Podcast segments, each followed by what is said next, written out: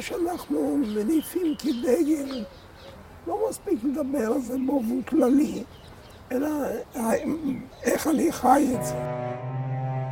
תורת חיים דברה בחיל וברוח, הלימוד היומי. לימוד מתוך ספרו של הרב חיים דרוקמן זצ"ל, בנושא מלחמה, צבא וביטחון. צפו עיניו, הנני ללכת בכל דרכיו. פרק מספר 40 חייל בעמדתו כעומד בתפילה.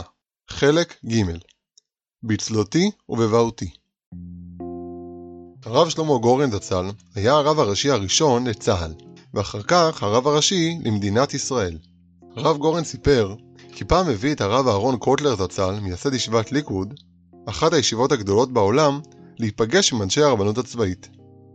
במהלך מפגש זה התבטא הרב קוטלר שכשחייל יהודי עומד בעמדתו, נחשב הדבר לתפילה.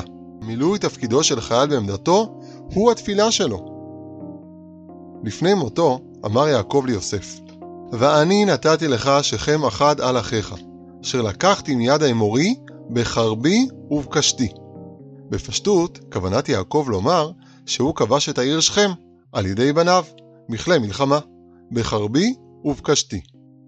אולם, בתרגום אונקלוס מתורגמות המילים בחרבי ובקשתי באופן אחר לגמרי, בצלותי ובבעותי, כלומר בתפילתי ובבקשתי.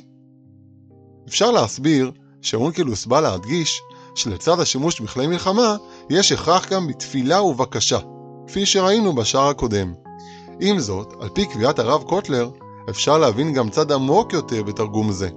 חייל ממלא את תפקידו הצבאי בשלמות, הוא כאדם העומד בתפילה לפני קונו. חרבו וקשתו של החייל הישראלי הן עצמן תפילתו ובקשתו.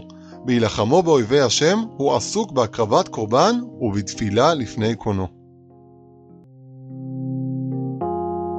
הפרקים המוקלטים מופצים בקבוצות הוואטסאפ של הלימוד היומי, מועלים לספוטיפיי ולשאר יישומוני ההסכתים, פודקאסטים.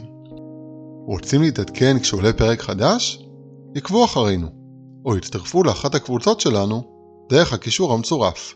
יום טוב ובשורות טובות לכל עם ישראל.